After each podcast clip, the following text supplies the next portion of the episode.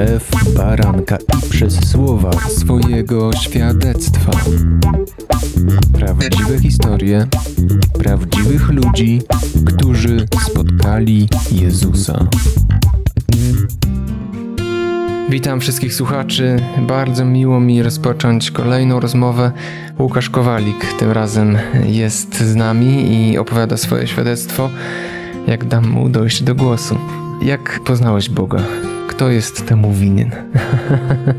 A może sam szukałeś? To na twoje babka wróżyła, chcę się powiedzieć po pogańsku. Ale jedni szukają samotnie, inni spotykają ludzi, którzy ich przyciągają do Jezusa. Jak było z tobą? No u mnie historia jest taka z cyklu tych mieszanych, bo e, moi rodzice w ogóle nie przywiązywali uwagi do, do wiary jakiejś takiej większej. Mój, mój tata wtedy zadeklarowany ateista, moja mama w zasadzie w jakichś takich swojej wersji wiary w ogóle nie poruszali tego tematu i ja tak naprawdę nie miałem jakiejś takiej wielkiej potrzeby. Gdzieś tam jako dzieciak wiedziałem, że Bóg jest, ale moja babcia ciekawą rolę odegrała w tym wszystkim, bo wysyłała mnie na obozy chrześcijańskie. No i jeździłem na te obozy chrześcijańskie i widziałem jak tam starsze chłopaki po 15 lat tam ściskali paczkę fajek, rzucali we łzach, że oni chcą iść za Bogiem i w ogóle ja też tego pragnąłem, tak na maksa. I tak też tam płakałem, chciałem, ale wracałem do domu i nic się nie działo, bo po dwóch dniach to już w ogóle zapomniałem, co tam się działo i co ja przeżyłem, więc miałem kilka takich spotkań i generalnie działo się tak, że było coraz gorzej po prostu ze mną, nie? w ogóle Ci opiekunowie mówili, że ze mną jest coraz gorzej na tych obozach, że już po prostu chodzenie po, nie wiem, czwartym czy siódmym piętrze tam po parapetach to kiepski pomysł był. No ale jeszcze w tym samym okresie gdzieś wydarzyła się taka rzecz, że, że ja generalnie umierałem, nie? Zachorowałem na wirusowe zapalenie mózgu i traciłem kontakt po prostu ze swoim ciałem zupełnie. W sensie w środku wiedziałem, co się dzieje, byłem trzeźwo myślącym człowiekiem, a na zewnątrz mogłem tylko mrugać oczami, jakieś nieartykułowane dźwięki z siebie wydobywać. I wtedy zrozumiałem, że idę do piekła, że, że czeka mnie bardzo zła rzecz za moment i że umieram. E, I mogłem tak jak Piotr, tonący w wodzie, jak chciał po niej stąpać, mogłem tylko wołać Jezu ratuj, ale tylko w głowie. Nie byłem w stanie nawet tego powiedzieć i 24 godziny później obudziłem się w szpitalu i już ze zmysłami w miarę funkcjonującymi i tak dalej. I, I wiem, że moja babcia się o mnie wtedy modliła, nie? I ona była chyba takim, takim faktorem pierwszym dla mnie, że kiedy sypało mi się bardzo w życiu, kiedy przestałem wierzyć w ogóle, że cokolwiek takiego dobrego mnie spotka, kiedy moim rodzicom się sypało małżeństwo, pojechałem do niej bo ona po prostu miała takie ciepło w sobie. Ja nie wiedziałem, co z wakacje jako nastoletni chłopak ze sobą zrobić i pojechałem do niej i nie zastałem jej. Była na spotkaniu biblijnym, na które też trafiłem.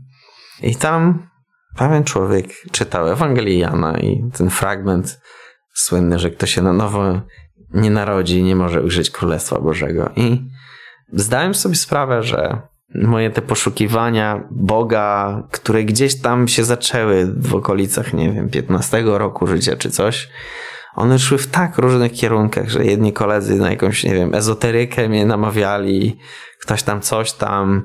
Po drodze spotkałem świadków Jehowy, którzy mi mówili, że Bóg jest jeden i to tak zaczęło mi klikać trochę w głowie, że no ten od tego Starego Testamentu to tak, no ten jeden, tak, faktycznie coś tam jest. Ale w tym momencie zrozumiałem, że ja już słyszałem tę historię o Jezusie wcześniej. Mentalny slajd z życia w tym momencie, że zdałem sobie sprawę, wow, to o to chodzi. To przyszło oświecenie po prostu w jednej sekundzie, że to wszystko, co myślałeś, jest bzdurą. To jest prawda.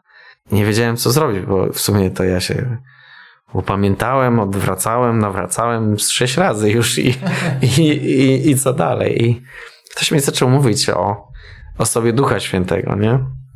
Jak to się mieści w teologii w ogóle? Te wielokrotne nawrócenia i przecież to wychodzi poza schemat i formułki, ustalone tryby, ścieżki działania. No, myślę, że to był taki jeden z tych elementów, tylko takiego naprawdę pójścia za bokiem, że to było to upamiętanie, że zdałem sobie sprawę, że robię źle, chciałem zawrócić, ale nie wiedziałem jak. Już później nic się nie działo.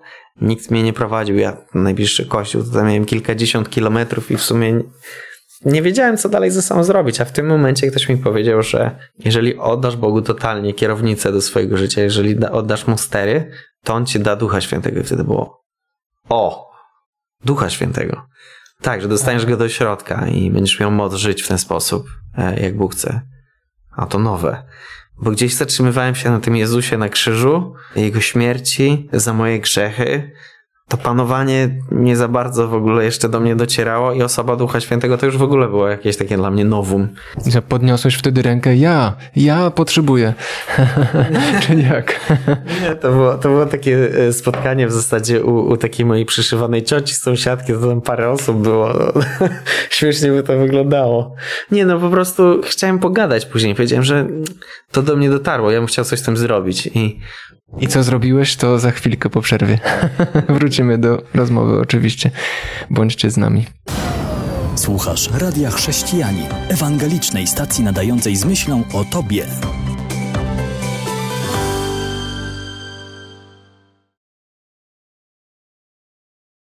Wracamy do rozmowy. Łukasz Kowalik i opowiada swoje świadectwo.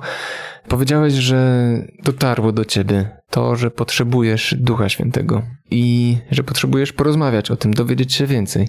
Co, jak, dlaczego i co z tego wynikło?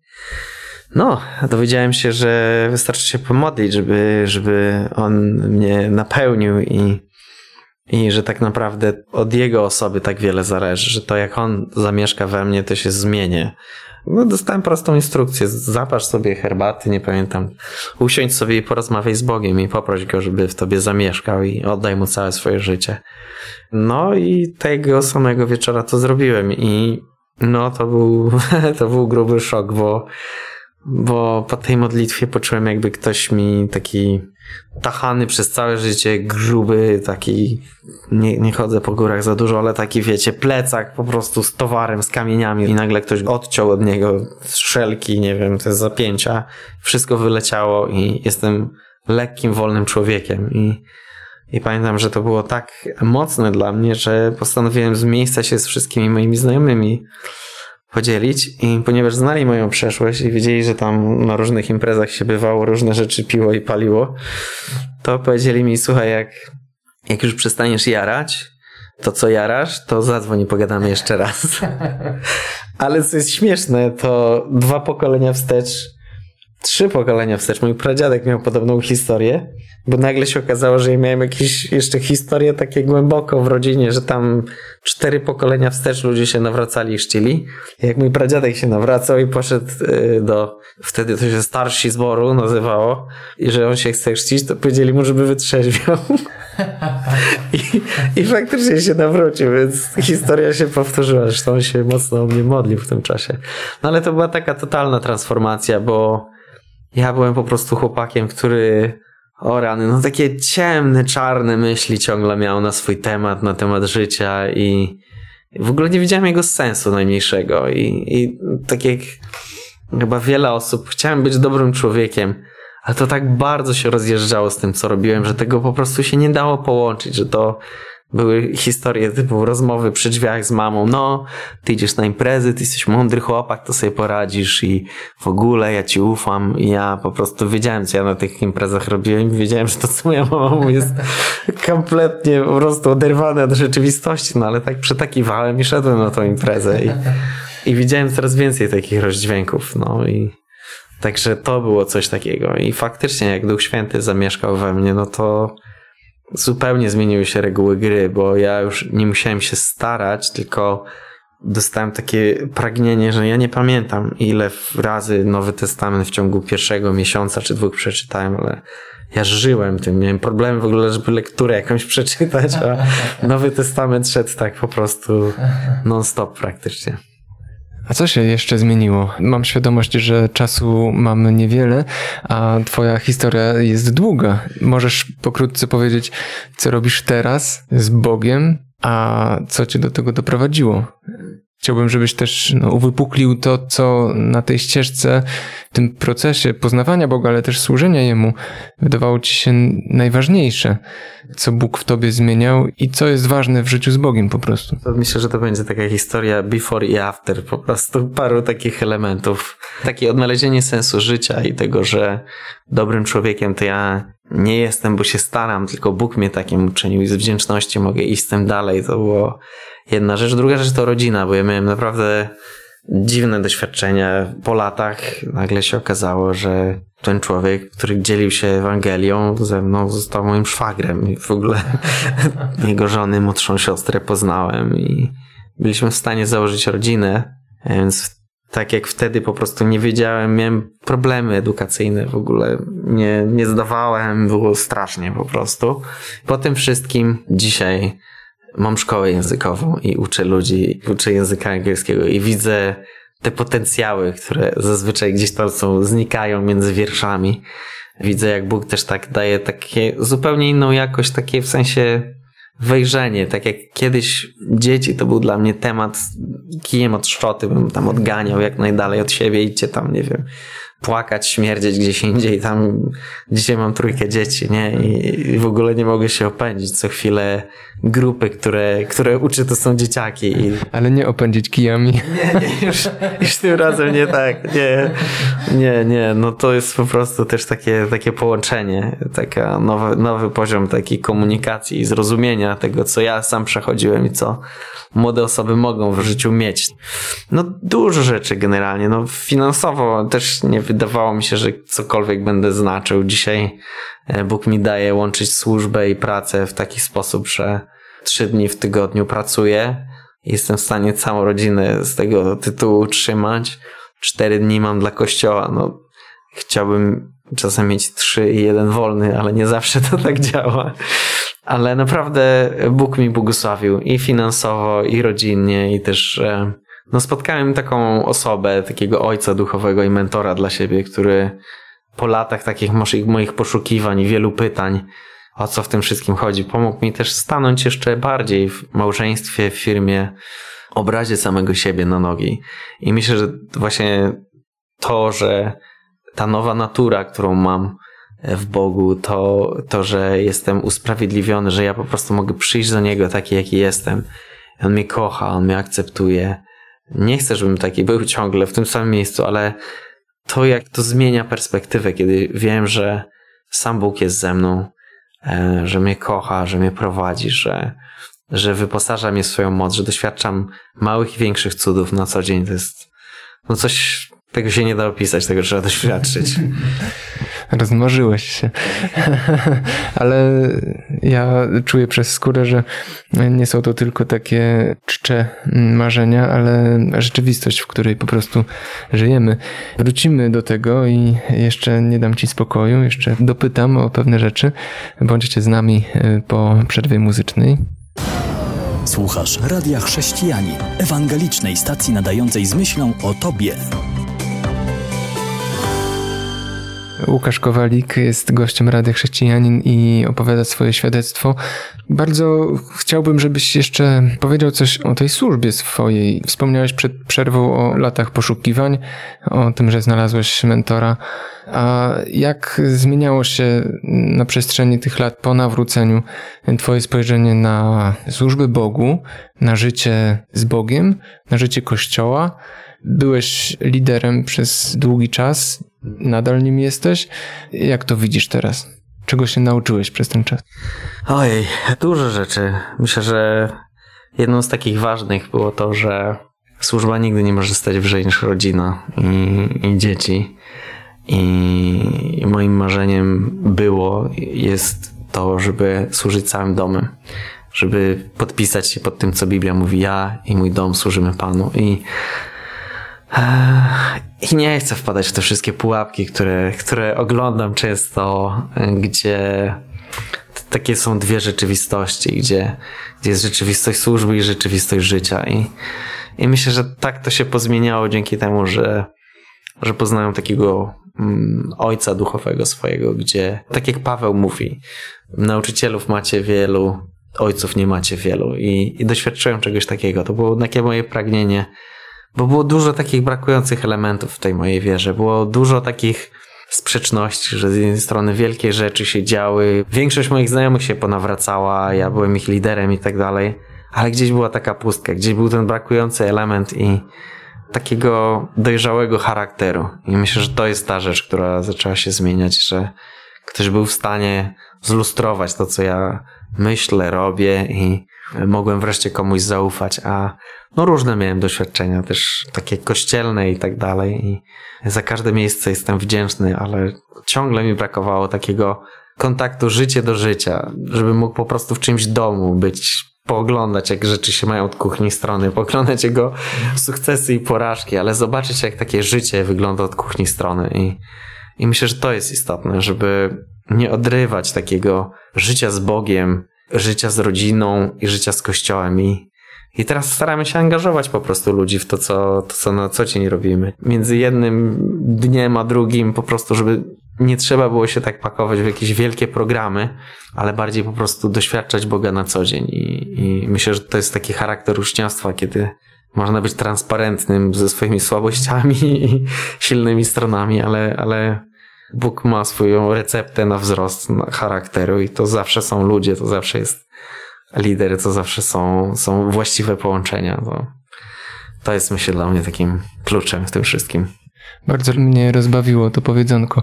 Zabrałeś się za to od kuchni strony. za co jesteś dzisiaj najbardziej wdzięczny Bogu? Już wiele powiedziałeś, wiem o tym, ale tylko miałem jeszcze myśl, że ten proces, o którym wspominasz, zbiegł się też w naturalny sposób z poszerzaniem twojej rodziny, tak? I z naturalnym zbieraniem doświadczeń i dojrzewaniem w małżeństwie, w roli rodziców. Co byś podał jako takie świadectwo, rzecz, która dzisiaj ci się wysuwa na pierwszy plan, jako Boży dar, coś, czego absolutnie nie mógłbyś osiągnąć bez niego? Ja myślę, że to nawet nie jest kwestia osiągnięć, tylko tak jak taka piosenka dla dzieci mówi. Jesus loves me, this I know, for the Bible tells me so. Czyli Jezus mnie kocha, wiem o tym, bo Biblia mi o tym mówi. Poznanie Boga i sorry, taka przyjaźń z nim i to, że On mnie kocha, to jest, tego się nie da przebić. To jest osiągnięcie. to jest osiągnięcie, które On zapewnił, nie? I to, że Jezus tyle z siebie dał e, i pokazał taki wzór jest naprawdę czymś, co, co mnie porusza. No oczywiście, że w drodze i w procesie poznawania Boga zmienia się charakter, zmieniają się okoliczności, ale myślę, że to, że wiem, że należę do kogoś, w czyich rękach jestem pewny, to, że mam dookoła siebie dobry kościół, dobrych ludzi, którzy zawsze, kiedy będę wpadał na głupie pomysły, są ze mną i są tam dla mnie i ludzie, z którymi po prostu mogę być rodziną, więc Bóg mi dał rodzinę i dzięki temu też moja na tym czerpie i to jest coś takiego, czego mi długi czas brakowało. Zresztą moja historia też o tym mówi. Dostałeś sto razy więcej matek, sióstr, braci i, tak i pól. Tak. Na koniec jeszcze może w dwóch zdaniach, może chciałbyś e, powiedzieć o czymś, co jest taką pieśnią i przesłaniem twojego serca. Dla ludzi, którzy wahają się, szukają Boga, jeszcze nie do końca wiedzą, w którą stronę pójść. No, jeżeli nie zdecydowałeś się żyć z Bogiem i myślisz, że u twojego sąsiada chrześcijanina trawa jest bardziej zielona, to to jest prawda, ale nie dlatego, że on ma lepszą kosiarkę, tylko że Bóg jest z tym człowiekiem i myślę sobie, że nie ma lepszego życia niż życie z Bogiem i wszystkie takie marzenia, które większość ludzi dzisiaj ma, są skupione dookoła samego siebie i to jest puste życie. Ale kiedy kochasz Boga i kochasz ludzi, to On się o ciebie zatroszczy i kiedy szukasz Jego woli, Jego panowania, Jego królestwa, to cała reszta jest załatwiona. To Bóg się o ciebie zatroszczy i poprowadzi cię i nie da ci zginąć z samym sobą, samą sobą, ale poprowadzi cię do właściwego miejsca i właściwych ludzi, żebyś mógł go lepiej poznać. Bardzo Ci dziękuję. Łukasz Kowalik dzisiaj opowiadał swoje świadectwo. A ja zapraszam jak zwykle do dzielenia się tym może największą liczbą osób, jaką zdołasz dosięgnąć, a może tylko z jednym człowiekiem, którego masz na myśli i to ma być ten człowiek. Na teraz to koniec i do usłyszenia za tydzień. Kłaniam się, Jan Żyłkowski. www.radiochrześcijanin.pl